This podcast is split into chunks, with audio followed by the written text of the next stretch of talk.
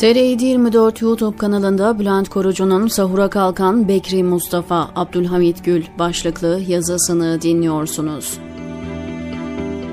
Bekri Mustafa oruç tutmadığı halde sahura kalkıyormuş. Çevredekiler hikmetini sormuş ve şu cevabı almış.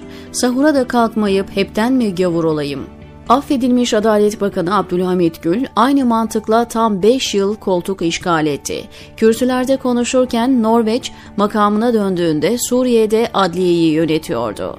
Bütün mücadelesi bakanlıkta biraz daha oturmak ve sus payı olarak aldığı 3-5 kadro içindi. Sık sık paylaştığı hayvansever pozlarla şefkat abidesi rolü oynarken cezaevindeki bebeklerle ilgili kılını bile kıpırdatmadı. Sağlık ve güvenliği kendisine emanet tutukluların şartlarını iyileştirmek ve tedaviye erişim haklarını sağlamak adına da bir şey yapmadı.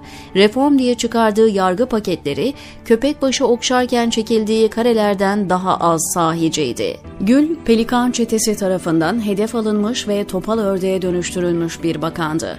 Yer yer kayınpederi ve yüksek denetçi Şerif Malkoç'un desteğiyle küçük mevziler kazansa da gün sonunda kendine rağmen bakan yardımcısı atanır konumdaydı. Hakimler Savcılar Kurulu'nda onu temsil eden yardımcısı Hasan Yılmaz bilgisi dışında atanırken kayyım yorumu yapmıştım.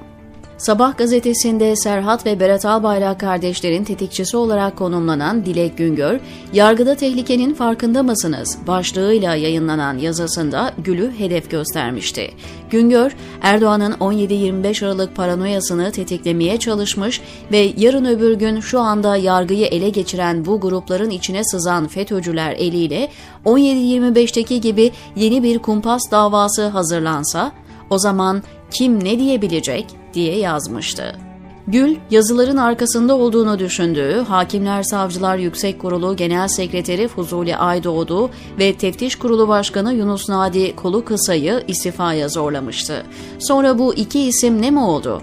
Elbette terfi etti ve Yargıtay üyesi seçildi. Cumhurbaşkanı Recep Tayyip Erdoğan biraz dinlenmesi, yüzünün unutulması ve üstündeki kanı kiri temizlemesi için Bekir Bozdağ'ı nadasa çekerken Gül'ü atamıştı. Bu Has Parti'den birlikte geldikleri Numan Kurtulmuş'a sus payı, kayınpeder Malkoç'a jestti. Etkisiz eleman olarak bakan rolü yapması isteniyordu. O da genelde çizgiyi aşmadı. Onun döneminde barolar bölündü, yüksek yargı tamamen ele geçti. Anayasa Mahkemesi ve Avrupa İnsan Hakları Mahkemesi kararları paspas edildi. Mustafa Doğan İnal başta olmak üzere Erdoğan avukatları kartvizitiyle bakanlığı yöneten kişileri iyi perdeledi. Aradaki demokrat çıkışlarıyla sahura kalkmış oldu. 17-25 yargı düzeninin imaj çalışmasının konu mankeniydi.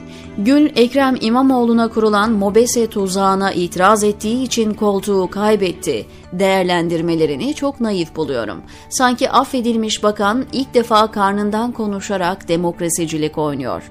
Gelelim koltuğu geri alan Bekir Bozdağ'a. Onu anlamak için tek yumurta ikizi Efkan Alay'la birlikte düşünmek lazım.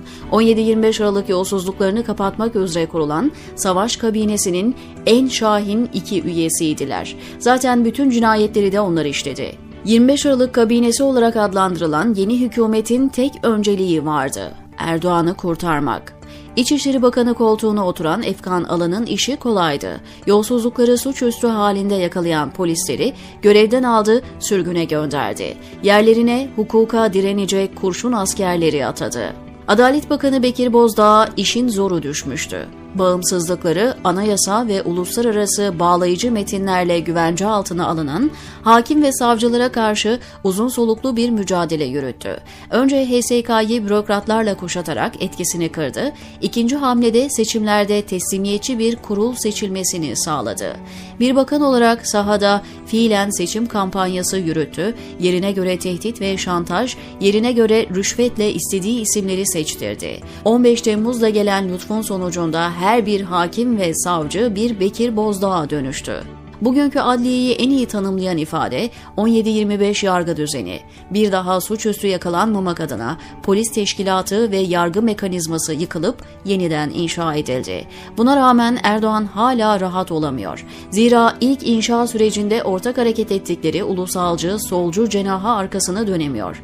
CHP lideri Kemal Kılıçdaroğlu'nun açıkladığı belgelere ve namuslu devlet kadroları bize bilgi yağdırıyor. Meydan okuması paniğe yol açmış görünüyor. O da buna karşı 17-25 yargı düzeninin kurucu müteahhiti Bozdağ'a sefer görev emriyle silah başına çağırdı. İmaja, taktiğe gerek duymadan bam bam bam gidecek birine ihtiyacı vardı. O da zaten saha kenarında epeydir ısınıyordu. Bekir Bozdağ yarım bıraktığı işi tamamlayacak ve araya kaynamış Erdoğan biatlısı olmayan yargı unsurlarını temizleyecek. Şu ana kadar sorun çıkarmamış olmaları çıkarmayacakları anlamına gelmiyor. 17-25 Erdoğan için bir panik atak gerekçesidir ve belli ki atağa tetiklenmiş, diyor Bülent Korucu TR724'deki köşesinde.